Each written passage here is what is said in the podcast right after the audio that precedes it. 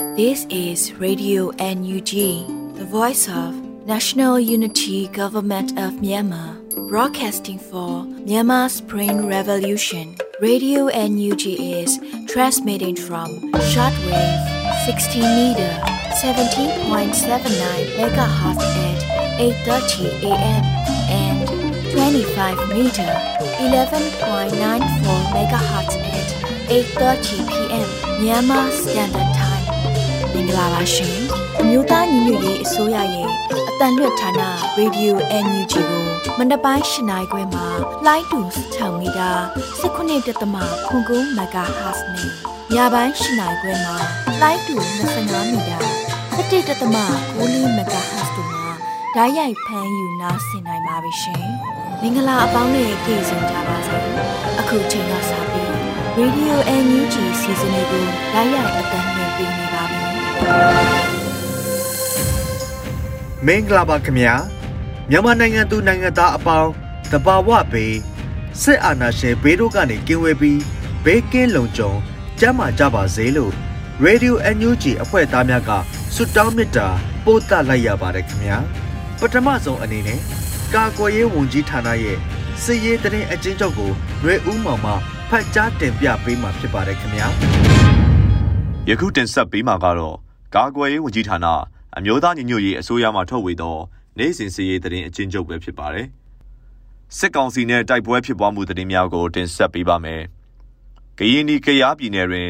ဧပြီလ18ရက်နေ့ညနေ3:35မိနစ်ခန့်ကဖရူဆိုမြို့နယ်လောချေခူရွာတဲ့နဲ့ထားလဲကျေးရွာကြားတွင်စစ်ကောင်စီတပ်ကို KA KNDF တို့ပူးပေါင်းပြီး မိနစ်30ကြာခုခံတိုက်ခိုက်ခဲ့ရာစစ်ကောင်စီတပ်သားတအူကြဆုံးပြီးထိခိုက်ဒဏ်ရာအချို့ရရှိခဲ့ကြောင်းသိရသည်။စကိုင်းတိုင်းတွင်ဧပြီလ18ရက်နေ့ညနေ6နာရီခန့်ကတမူးမြို့နယ်တမူးမြို့မြို့မစနစ်ကကြီးရက်ကွက်နန်းဖာလုံးမြို့မစနစ်မြင်းဆောင်ကကြီးရက်ကွက်နန်းဖာလုံးထခွဲကျောင်းတွင်တပ်ဆွဲထားသောစစ်ကောင်စီတပ်သားများကိုပြည်သူ့ကာကွယ်ရေးတပ်မတော်တမူတန်ရင်တစ်မြင်းဆောင်နှင့်တန်ရင်တစ်နှစ်ဤ အထူးကွန်မန်ဒိုရဲဘော်များကအလစ်ငိုက်ဝင်ရောက်တိုက်ခိုက်ခဲ့ရာစစ်ကောင်စီတပ်သား၄ဦးသေဆုံးခဲ့ပြီးပြည်သူ့ကာကွယ်ရေးရဲဘော်များအထိခိုက်မရှိပြန်လည်ဆုတ်ခွာနိုင်ခဲ့သည်မန္တလေးတိုင်းတွင်ဧပြီလ18ရက်နေ့မနက်2နာရီခန့်က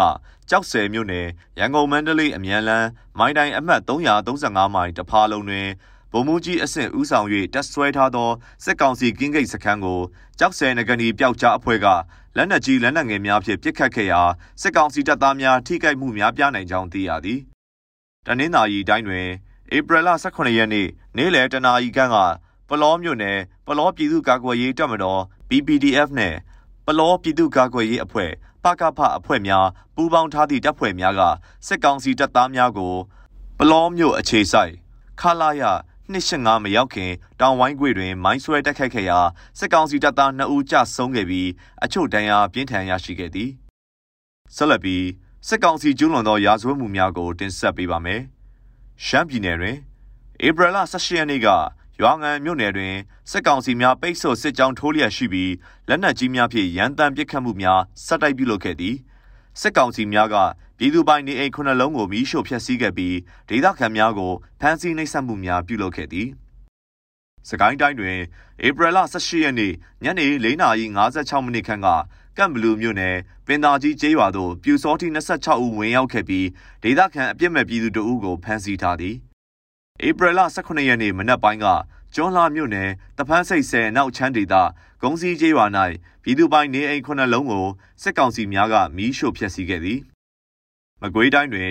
ဧပြီလ9ရက်နေ့မှဧပြီလ15ရက်နေ့အထိပေါင်းမြုံနယ်တောင်ပိုင်းရှိကျေးရွာများဖြစ်သော တောင်ဘက်ဇီတော်အင်းငယ်တောင်ဘို့မယ်တောင်ချိုဒိန်ကွင်းကြောက်အိုးလက်ပံလှတဇူကိုင်းမတက်ကဲချင်းစသည့်ကျေးရွာ၁၁ရွာကိုစစ်ကောင်စီများကဝင်ရောက်စီးနင်းကရွာလုံးကျွတ်မီးရှို့ဖျက်ဆီးခဲ့ခြင်းကြောင့်ဒေသခံပြည်သူတထောင်ကျော်အိုးမဲ့အိမ်မဲ့ဖြစ်ကအရေးပေါ်ကူညီထောက်ပံ့မှုများလိုအပ်လျက်ရှိပါတယ်။ မကြာခင်ကာလအတွင်းမိုးဦးကြရောက်တော့မည်ဖြစ်သောကြောင့်အမိုးအကာများနဲ့စစ်ဘေးရှောင်များအတွက်အခြေခံစားတောက်ကုန်များအမိုးအကာအဝတ်အထည်များနှင့်စေဝါပစ္စည်းများလိုအပ်လျက်ရှိနေသည်။ရန်ကုန်တိုင်းတွင်ဧပြီလ18ရက်နေ့ကတွန်တေးမြို့နယ်တလုတ်ထော်ကျေးရွာအောက်ကျင်းစာတင်ကျောင်းအနီးတွင်လူငယ်တအုပ်ကိုစစ်ကောင်စီများကဖမ်းဆီးသွားခဲ့သည်ရေပြင်သတင်းတောင်ဝန်ခံများနှင့်သတင်းဌာနများမှဖော်ပြလာသောအချက်အလက်များအပေါ်အခြေခံပြုစုထားသည်ကျွန်တော်ကတော့ຫນွေဦးမောင်ပါခင်ဗျာ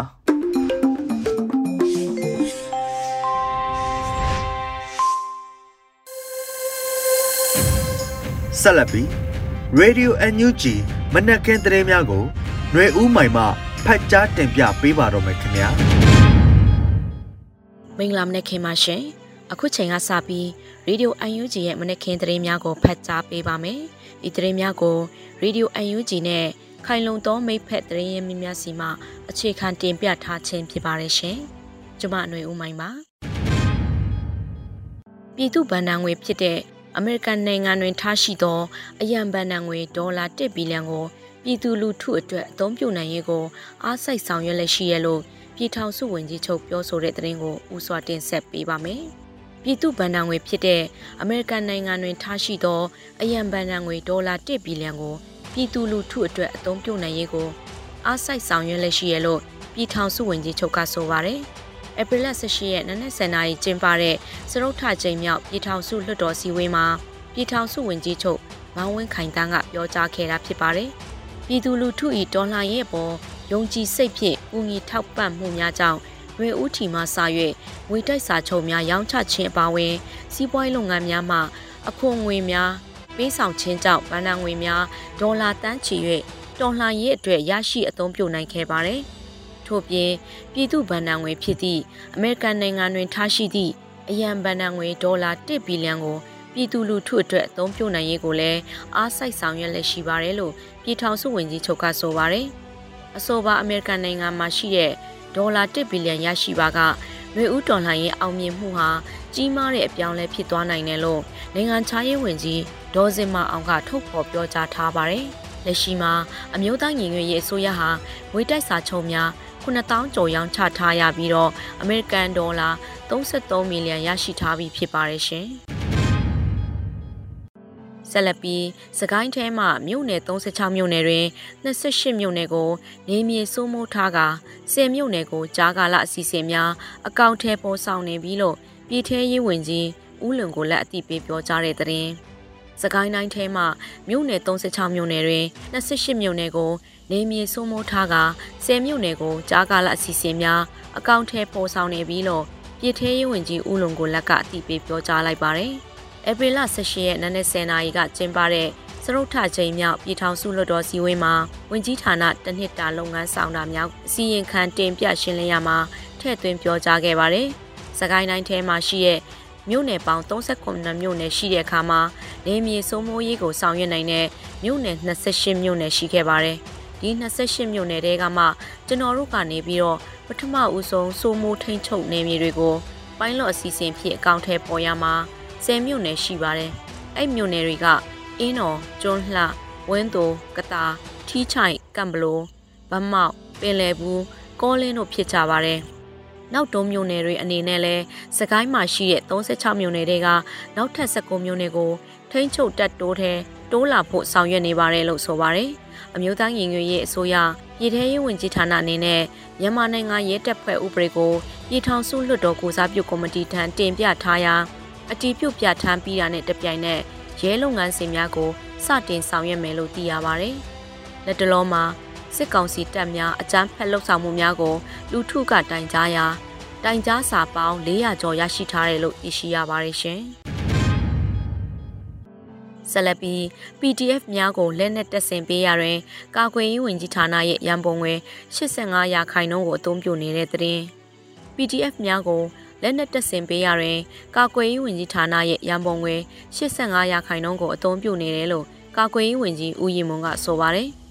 ဧပြီလ18ရက်နနက်10:00နာရီကကျင်းပတဲ့စရုပ်ထချိန်မြောက်ပြည်ထောင်စုလွှတ်တော်စည်းဝေးမှာဝန်ကြီးဌာနတနစ်တာလုပ်ငန်းဆောင်တာများအစီရင်ခံတင်ပြရှင်းလင်းရမှာထည့်သွင်းပြောကြားခဲ့ပါတယ်။ PDF များကိုလက်နက်တပ်ဆင်ပေးနိုင်မှုအခြေအနေမှာကာကွယ်ရေးဝန်ကြီးဌာနရဲ့ထားရှိတဲ့ရန်ပုံငွေရဲ့သုံးဆွဲခွင့်ရတဲ့ရန်ပုံငွေရဲ့85ရာခိုင်နှုန်းကိုလက်နက်တပ်ဆင်ရေးအတွက်အသုံးပြုနေတာဖြစ်ပါတယ်။လက်နက်တပ်ဆင်တဲ့နေရာမှာမဟာမိတ်အဖွဲ့အစည်းများကမျှဝေပေးတဲ့ လက်နက်တချို့ပါဝင်နေဆိုတာလဲကျွန်တော်အနေနဲ့အစီရင်ခံလိုပါတယ်လို့ဆိုပါတယ်။လက်ရှိမှာပြည်သူ့ကာကွယ်တပ်ဖွဲ့ PDF နဲ့ညီနောင်များတက်ရင်နှစ်ငါခွင်ရင်ဖွဲ့စည်းပြီးဖြစ်ကာတရတရင်ကို MOD ကစီစစ်တီးပြုတ်ပြီးဖြစ်ပါတယ်။ဒါ့အပြင်မြို့နယ်ပခဖအနေနဲ့အဖွဲ့ပေါင်း250ဖွဲ့စည်းပြီးဖြစ်ကာ LDF နဲ့မြို့ပြကျေးလက်ပျောက်ကြားအဖွဲ့များ 401ဖွဲ့ရှိပြီးတော့ရင်းအဖွဲ့များမှ60ရာခိုင်နှုန်းမှာ MOD နဲ့ချိတ်ဆက်ဆောင်ရွက်လက်ရှိပါတယ်ရှင်။ဆက်လက်ပြီးကိုရီးယားနိုင်ငံတွင်အထူးငွေတိုက်စာချုပ်အမေရိကန်ဒေါ်လာ6သိန်းဖို့အထိရောင်းချနိုင်ခဲ့ပြီးဖြစ်တဲ့သတင်းကိုဖတ်ကြားပေးပါမယ်။ကိုရီးယားနိုင်ငံတွင်အထူးငွေတိုက်စာချုပ်အမေရိကန်ဒေါ်လာ6သိန်းဖို့အထိရောင်းချနိုင်ခဲ့ပြီးဖြစ်တယ်လို့နိုင်ငံခြားရေးဝန်ကြီးဌာနပြည်ထောင်စုဝန်ကြီးဒေါ်စင်မအောင်ကဆိုပါတယ်။ ဧပြီလ18ရက်နေ့နဲ့10နာရီကကျင်းပတဲ့စရုပ်ထချိန်မြောက်ပြည်ထောင်စုလွှတ်တော်စည်းဝေးမှာဝင်ကြီးဌာနတနစ်တာလုပ်ငန်းဆောင်တာများအစီရင်ခံတင်ပြရှင်းလင်းရမှာဝင်ကြီးတော်စင်မအောင်ကထည့်သွင်းပြောကြားခဲ့ပါတယ်။ကိုရီးယားနိုင်ငံမှာရှိတဲ့အမျိုးသားညီညွတ်ရေးအစိုးရဖွဲ့ရဲ့ကိုယ်စားလှယ်တွေဟာ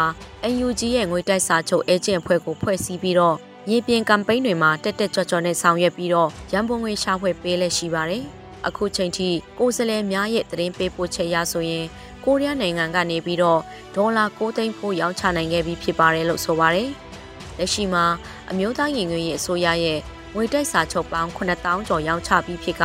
အမေရိကန်ဒေါ်လာ33မီလီယံရရှိခဲ့ပါတယ်။အဆိုပါငွေတိုက်စာချုပ်ရောင်းရငွေများကိုတော်လှန်ရေးနဲ့လိုအပ်တဲ့နေရာများမှာအစိုးရကစီစစ်သုံးစွဲနေတယ်လို့သိရှိရပါတယ်ရှင်။ ဆက်လက်ပြီးကာလတန်ဖိုးကျပ်သိန်း900ကျော်တန်ဖိုးရှိမူးရက်ဈေးခွက်386ခွက်ကိုရွှေဘုံမြစ်ကြီးနားလမ်းပေါ်ကုတ်ကုတ်ကုန်းရွာအနီးကောလင်းပကဖဖန်စီရမိတဲ့တရင်ကိုဖတ်ကြားပေးပါမယ်။ကာလတန်ဖိုးကျပ်သိန်း900ကျော်တန်ဖိုးရှိမူးရက်ဈေးခွက်386ခွက်ကိုရွှေဘုံမြစ်ကြီးနားလမ်းပေါ်ကုတ်ကုတ်ကုန်းရွာအနီးကောလင်းပကဖကဖန်စီရမိခဲ့ပါတယ်။ဧပြီလ18ရက်နေ့တွင်မူးရက်ဈေးဝါဖန်စီရမိတရင်ကို ကောလင်းပကဖကထုတ်ပြန်ပါတယ်။ဧပြီလ12ရက်ကောလင်းခရိုင်ကောလင်းမြို့ရွှေဘုံမြစ်ကြီးနားလမ်းပေါ်ကုတ်ကုတ်ကုန်းရွာအနီးမွန်းလွဲ12နာရီခွဲအချိန်တွင်ကောလင်းမြို့နယ်ပြည်သူ့ကာကွယ်ရေးပကဖနှင့်ကောလင်းမြို့နယ်ပြည်သူ့လုံခြုံရေးပလာဖတို့ပူးပေါင်း၍ရှောင်းတခင်စစ်ဆေးနေစဉ်ရွှေဘုံမှမြစ်ကြီးနားသို့မောင်းနေလာသောရင်မောင်ဦးစော်မြင့်ဦးအဖဦးကြီးညိုရင်နောက်လိုက်ဦးဝင်းလူဦးအဖဦးအောင်ကျော်ဦးရင်အမျိုးအစား AD van နံပါတ်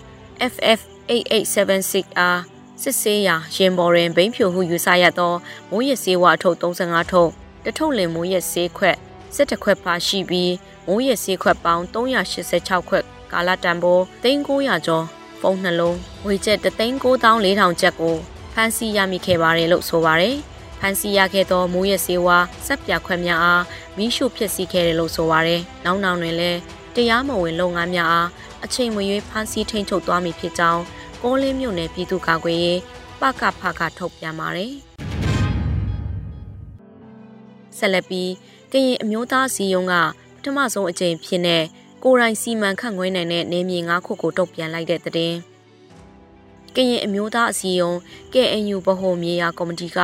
ကရင်သမိုင်းမှာပထမဆုံးအဖြစ်နဲ့ဌာနေကရင်လူမျိုးစုတွေရဲ့ကိုရိုင်းစီမံခန့်ခွဲနိုင်တဲ့ဒေတာခေါ်ကော်နေမြေ၅ခုကိုဧပြီလ14ရက်မှာထုတ်ပြန်ကြေညာလိုက်ပါတယ်။ အိတ်တိုးချဲလိုက်တဲ့နေမြေငါးခုကိုတောင်ငူခရိုင်ထန်းတပင်မြို့နယ်ကိုသေးတဲ့အုပ်စုမော်သေးတဲ့ကျေးရွာကတောတီတောဥထာနေတိုင်းရင်းသားများဥယျာဉ်မှာတရားဝင်အတိမတ်ပြိုလက်မှတ်ပေးအပ်ခဲ့တာပါ။ KNU ခရိုင်နယ်မြေနှစ်ခုဖြစ်တဲ့တောင်ငူခရိုင်အတွင်းမှာခိုပွဲတဲကောမွေးလူရဲတဲကောကိုယိုမူပဲကောမူလာဟင်းနဲ့မူထောဖာပွန်ခရိုင်အတွင်းမှာကိုတေကူစတဲ့ ကော်နယ်မြေ၅ခုကို KNU ရဲ့အတိမတ်ပြုံမှုနဲ့တရားဝင်ပိုင်ဆိုင်စီမံခန့်ခွဲခွင့်လက်မှတ်ကိုပေးအပ်ခဲ့တာဖြစ်တယ်လို့ KIC သတင်းဌာနကဖော်ပြထားပါတယ်။ကော်ပိုင်ဆိုင်စီမံခန့်ခွဲခွင့်အတိမတ်ပြုလက်မှတ်အနှံပေးအချင်းကကရင်သမိုင်းမှာပထမဆုံးအကြိမ်ဖြစ်ပြီးရင်းလက်မှတ်ပေးအပ်ရခြင်းမှာလဲကရင်ဌာနေလူမျိုးစုတွေရဲ့ဘိုးစင်မောင်ဆက်စီမံခန့်ခွဲအသုံးပြုလာခဲ့တဲ့ဘိုးပွားမြေပေါ်မှာငင်းချရင်နဲ့ကိုပိုင်ပြထန်းခွင့်ကိုတိဆောက်ရေးဆိုတဲ့မျှော်မှန်းချက်ကို ဖြည့်ဆည်းအကောင့်ထဲပေါ်သွားရန်အတွက်ရည်ရွယ်ပြီးပြုလုပ်တာဖြစ်တယ်လို့လည်းထုတ်ပြန်ချက်မှာဖော်ပြထားပါတယ်။ပြည်ထောင်စုဝန်ကြီးချုပ်မန်းဝင်းခိုင်တန်းကလည်းဒီနေ့ပြုလုပ်တဲ့ပြည်ထောင်စုလွှတ်တော်စည်းဝေးမှာတိုင်းသားတော်လှန်ရေးမဟာမိတ်တွေကနိုင်ငံရဲ့30ရာခိုင်နှုန်းအထိစိုးမိုးထားနိုင်ပြီးစစ်ကောင်စီရဲ့ထိန်းချုပ်နေမြေကတနိုင်ငံလုံးမှာတဝက်ဆွန်းဆွန်းလောက်ပဲကြန့်ရှိတော့တယ်လို့ပြောကြားထားတာတွေ့ရပါတယ်ရှင်။ဆက်လက်ပြီး ခခလာရ268တပ်သားတို့လက်နက်ပြေဆုံးဖြင့် CNDF ထံအလင်းဝင်ရောက်၍စုကျင်းနဲ့အတူလွတ်မြောက်နေမည်သို့ပို့ဆောင်တဲ့တရင်ကိုဖတ်ကြားပေးပါမယ်။ခလာရ268တပ်သားတို့လက်နက်အပြည့်စုံဖြင့် CNDF ထံအလင်းဝင်ရောက်၍စုကျင်းနဲ့အတူလွတ်မြောက်နေမည်ပို့ဆောင်ပေးခဲ့တယ်လို့ဧပြီလ18ရက်နေ့မှာချင်းအမျိုးသားဖွဲ့ချုပ်ကတရားဝင်အတည်ပြုထုတ်ပြန်ခဲ့ပါတယ်။ချင်းပြည်နယ်ဖလန်းမြို့နယ်ခလာရ268တပ်မှထက်မြင့်အောင် ကိုပိုင်မှတ်တ99255ခွင်မှအကြမ်းဖက်စစ်ကောင်စီလက်အောက်တွင်ဆက်လက်တာဝန်ထမ်းဆောင်လို့ခြင်းမရှိတော့သဖြင့်ပြည်သူနှင့်အတူပူးပေါင်းရန် CNO CNDF ထံသို့လက်နက်အပြည့်စုံဖြင့်အလင်းဝင်ရောက်ခဲ့တယ်လို့ဖော်ပြပါရယ် CNO CNDF မှလည်းစုချင်းငွေချီးမြှင့်ခဲ့ပြီးလွတ်မြောက်နေမည်သို့ပို့ဆောင်ပေးခဲ့လို့သိရပါရယ်လက်ရှိမှာတနိုင်ငံလုံး CDM ငွေနဲ့ရဲနယ်စစ်တပ်တောင်းနီးပါရှိပြီဖြစ်ပါရရှင်။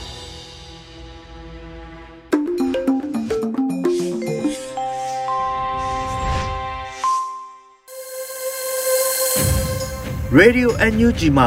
ဆက်လက်အသံလွှင့်နေပါတယ်။အခုတခါပြည်သူခုခံတော်လှန်စစ်တရေများကိုຫນွေဦးလင်းကဖတ်ကြားတင်ပြပါမယ်ခင်ဗျာပထမဆုံးအနေနဲ့စကိုင်းတိုင်းတမူပလဲနယ်ချောင်းဦးတွင်စစ်ကောင်စီတပ်ဖွဲ့များတိုက်ခိုက်ခံရပြီး16ဦးသေဆုံးတဲ့တဲ့ရင်ကိုတင်ဆက်မှာပါစကိုင်းတိုင်းတမူမြို့မြို့မှာဆက်နယ်မြေဆောင်ကကြီးရက်ကွက်နန်းဖာလုံးအထက်တန်းကျောင်းကွင်း၌ တပ်ဆွဲထားသောအကြမ်းဖက်စစ်ကောင်စီတပ်ဖွဲ့ကိုယမနေ့ဧပြီလ18ရက်နေ့ည9:00နာရီတွင် ပြည်သူ့ကာကွယ်ရေးတပ်ဖွဲ့တမူမျိုးတရင်တင်နှင့်တရင်နှစ်၏အထူးကွန်မန်ဒိုပူးပေါင်းတပ်ဖွဲ့များက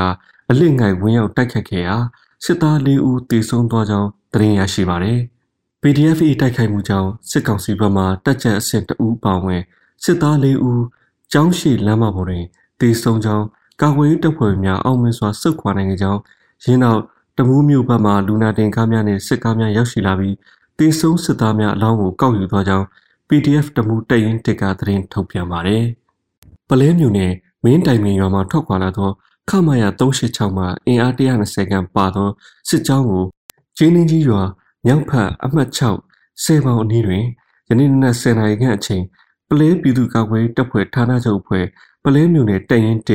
တရင်နှင့်မြိုင် Hero Generation Guerrilla Ranger နဲ့ local PDF များကပူးပေါင်းရေးပျောက်ကြားတိုက်ခတ်ခဲ့ရာစစ်ကောင်စီဘက်မှ၄ဦးခန့်ထိခိုက်ဒေဆုံးကြောင်းကာကွယ်ရေးရဲဘော်များကအထိခိုက်မရှိစုခွာနိုင်ခဲ့ကြောင်းသိရှိရပါတယ်။အလားတူယမနေ့နနက်၈နာရီခန့်တွင်ချောင်းဦးမြို့နယ်မှထွက်ခွာလာသောစစ်ကားနှစ်စီးကိုချောင်းဦး Local Defense Force CHU LDF နှင့်မဟာမိတ်ညီနောင်တပ်ဖွဲ့များကပူးပေါင်း၍ ချောင်းဦးမြို့နယ်ငါးရွှေရကြားတွင်အဝေးထိန်းစနစ်ဖြင့်မိုင်းခွဲတိုက်ခတ်ခဲ့ရာစစ်သား၈ဦးနေရာတွင်ပွဲချင်းပြီးတေဆုံးက၄ဦးဒဏ်ရာပြင်းထန်ကြောင်းသတင်းရရှိပါသည်စစ်တပ်ပွင့်ကားတစ်စီးအန်စာတုံးတစ်စီးဖြင့်လာသောစစ်ကောင်စီတပ်ဖွဲ့များကိုဒေသကာကွယ်တပ်ဖွဲ့များကမိုင်းဆွဲတိုက်ခတ်ခဲ့ပြီးအောင်မြင်စွာစုခံနိုင်ခဲ့ကြောင်းသိရှိရပါတယ်။မကွေးတိုင်းထီးလင်းမြို့နယ်ရေမျက်နှီကျေးရွာနီးကင်းလည်နေသောရဲငါးဦးကို YDF ထီလင်းတပ်ဖွဲ့၏ကွန်မန်ဒိုတပ်ဖွဲ့ကပြစ်ခတ်တိုက်ခိုက်ရာရဲတအူးတေဆုံးပြီးရဲတအူးဒဏ်ရာရရှိကြောင်း YDF ထီလင်း B3 ရွှေစွန်ညိုကသတင်းထုတ်ပြန်ပါတယ်။ဧပြီလ18ရက်နေ့နနက်8:30အချိန်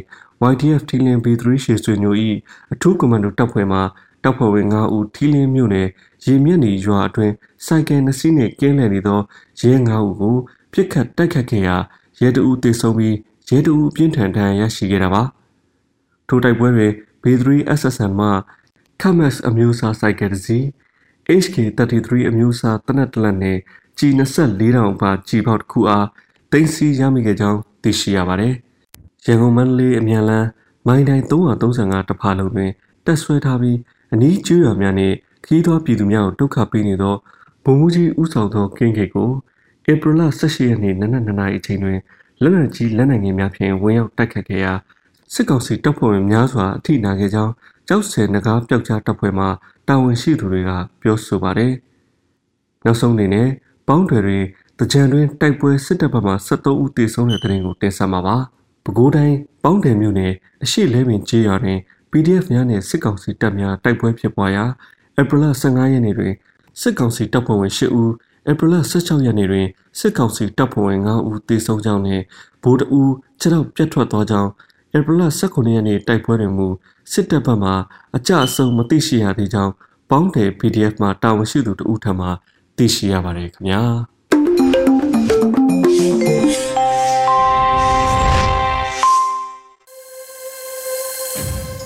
Radio NUG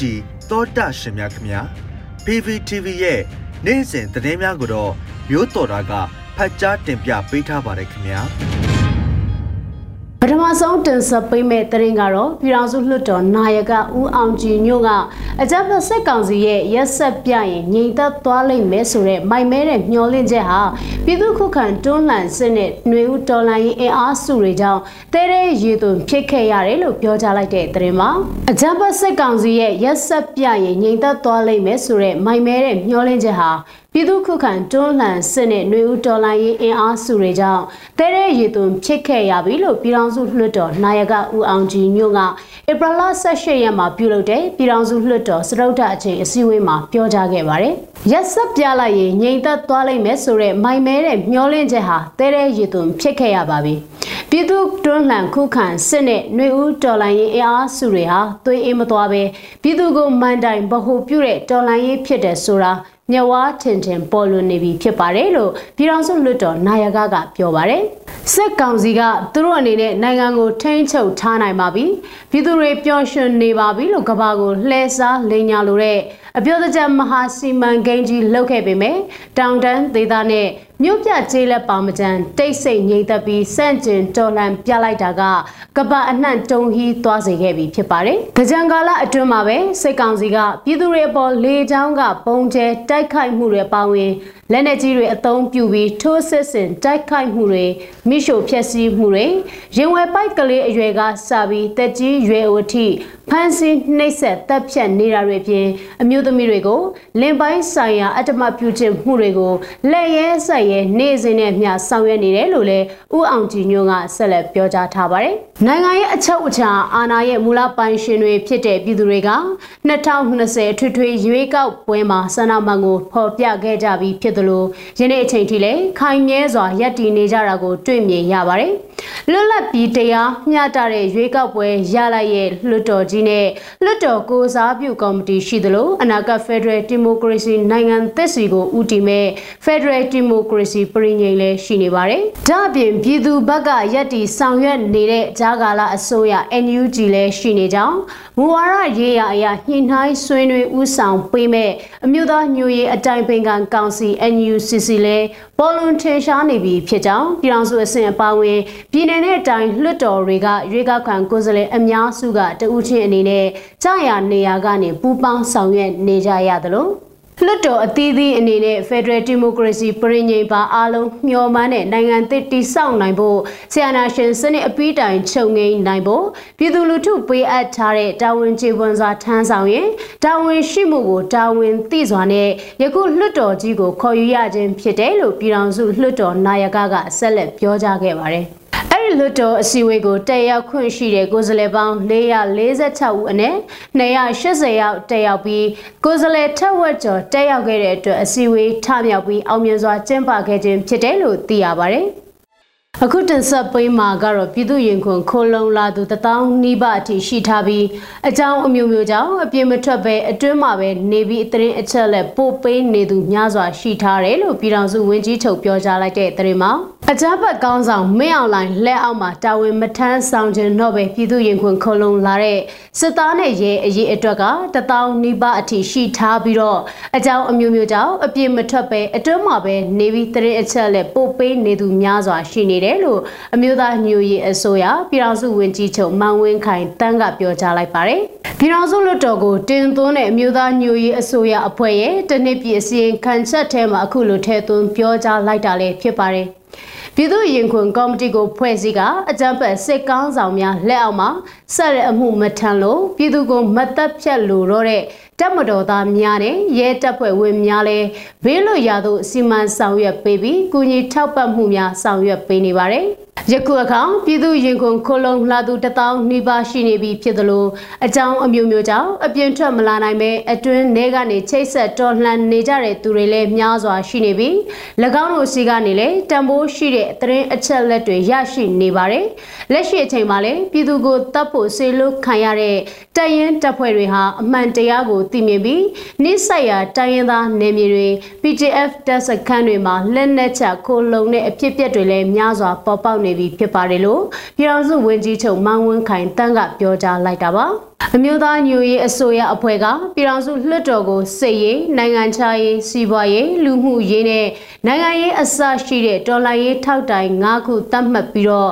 လေးလေးနက်နက်စီမံဆောင်ရွက်နေတဲ့ကိစ္စတွေကိုတင်ပြခဲ့တာလည်းဖြစ်ပါတယ်။ပြည်သူ့ကာကွယ်ရေးတပ်မတော်အနေနဲ့လက်နက်ပြည့်စုံမှုအတွက်မှာစိန်ခေါ်မှုတရက်လိုရှိနေသေးပဲဆိုပြီးတော့လည်းဝန်ကြီးချုပ်ကပြောကြားထားပါတယ်။ အခက်အခဲများအနေနဲ့ပြည်သူ့ကာကွယ်ရေးတပ်မတော်အတွက်လက်နက်အပြည့်အစုံတပ်ဆင်နိုင်ရေးမှာစိန်ခေါ်မှုတရက်အနေနဲ့ရှိနေဆဲပင်ဖြစ်ပါတယ်။ဒါအပြင်မြောင်များလှစွာသော LTF များနဲ့စနစ်တကျချိတ်ဆက်ဆောင်ရွက်နိုင်ရေးအတွက်စီမံတဲ့အခါမှာလည်းအခက်အခဲတွေကတော့ရှိနေဆဲဖြစ်ပါတယ်။စစ်ရေးဆိုင်ရာအခက်အခဲတွေစိန်ခေါ်မှုတွေကိုကျွန်တော်တို့အနေနဲ့ မဟာမိတ်အဖွဲ့များနဲ့တက်ညီလက်ညီပူးပေါင်းရင်ကြော်ဖြတ်နေကြောင်းလည်းအသိပေးတင်ပြလိုပါတယ်လို့ဝန်ကြီးချုပ်ကပြောကြားခဲ့ပါတယ်။ဒါ့အပြင်ဂျမ်ဖတ်စစ်တပ်ရဲ့လူမျိုးတုံးတပ်ဖြတ်မှုအပါအဝင်စိတ်ရာဇဝတ်မှုများအလုံးကိုနိုင်ငံတကာမှအရေးယူနိုင်ရေးအတွက်လည်း ပြည်တွင်းပြည်ပအဖွဲ့အစည်းတွေနဲ့အတူဆောင်ရွက်လျက်ရှိနေတယ်လို့ဆိုထားပြီးအခြားဆက်ဆက်လုပ်ငန်းစဉ်ကြီးတွေဖြစ်တဲ့စစ်ကောင်စီကိုစီးပွားရေးတန်ခတ်အရေးယူနိုင်ရေး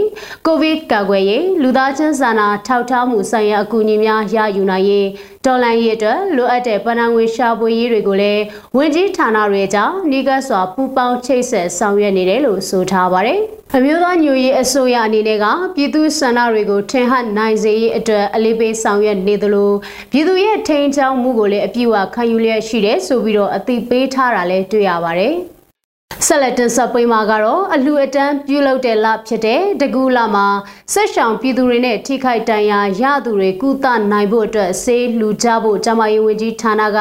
တိုက်တွန်းထားတယ်ဆိုတဲ့သတင်းပါ မြန်မာတို့ရဲ့ပထမဆုံးလဟာအလှူဒန်းပြုလုပ်တဲ့တကူလဖြစ်တာကြောင့်စိတ်ဆောင်ပြည်သူတွေနဲ့ထိခိုက်တန်ရာရသူတွေကိုစေကူတာဖို့အတွက်စေအလှူကိုလှူပေးကြဖို့အမျိုးသားညီညွတ်ရေးအစိုးရကျမရေးဝန်ကြီးဌာနကတိုက်တွန်းထားပါတယ်။ကျမရေးဝန်ကြီးဌာနကမြန်မာຫນွေဦးတော်လန်ရေးအတွင်းထိခိုက်တန်ရာရရှိသောတိုင်းရင်းသားရဲဘော်များ PDF ရဲဘော်များနဲ့ပြည်သူများကိုအရေးပေါ်ကယ်ဆယ်ကုသနိုင်ရန်စစ်ပေးဆောင်ပြည်သူများကိုကျမရေးစောင့်ရှောက်မှုပေးအပ်နိုင်ရန် COVID-19 ကာကွယ်ထိန်းချုပ်ကုသရေးအပါအဝင်ပြည်သူ့ကျန်းမာရေးစောင့်ရှောက်မှုလုပ်ငန်းများဆောင်ရွက်နိုင်ရန်အတွက်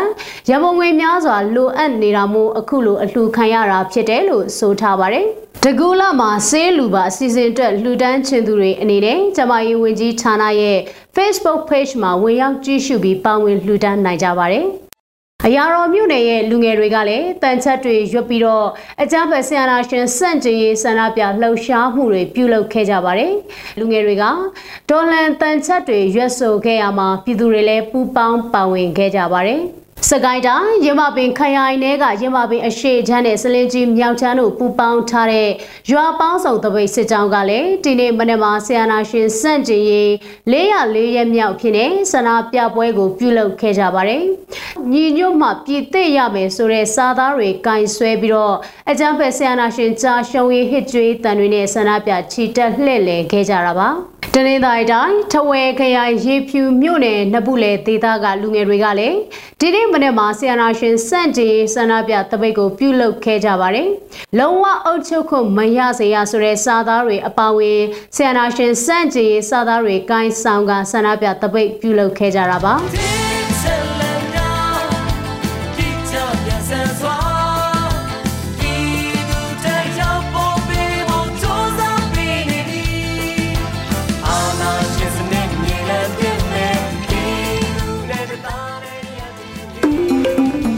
ကနေ့ကတော့ဒီညနေပဲ Radio NUG ရဲ့အစီအစဉ်လေးကိုခေတ္တရနာလိုက်ပါမယ်ရှင်မြန်မာစံတော်ချိန်မနေ့၈နိုင်ခွဲနဲ့ည၈နိုင်ခွဲအချိန်တွေမှာပြောင်းလဲဆိုပြကြပါလို့ရှင် Radio NUG ကိုမနေ့ပိုင်း၈နိုင်ခွဲမှာလိုင်းတူ16မီတာ19.7ခုခုမဂါဟတ်နဲ့ညပိုင်း၈နိုင်ခွဲမှာလိုင်းတူ25မီတာ17.6မဂါဟတ်တို့မှာ ဓာတ်ရိုက်ဖမ်းယူနားဆင်နိုင်ပါပြီရှင်။မြန်မာနိုင်ငံသူနိုင်ငံသားများကိုစိတ်နှဖျားစမ်းမချမ်းသာလို့ဘေးကင်းလုံခြုံကြပါစေလို့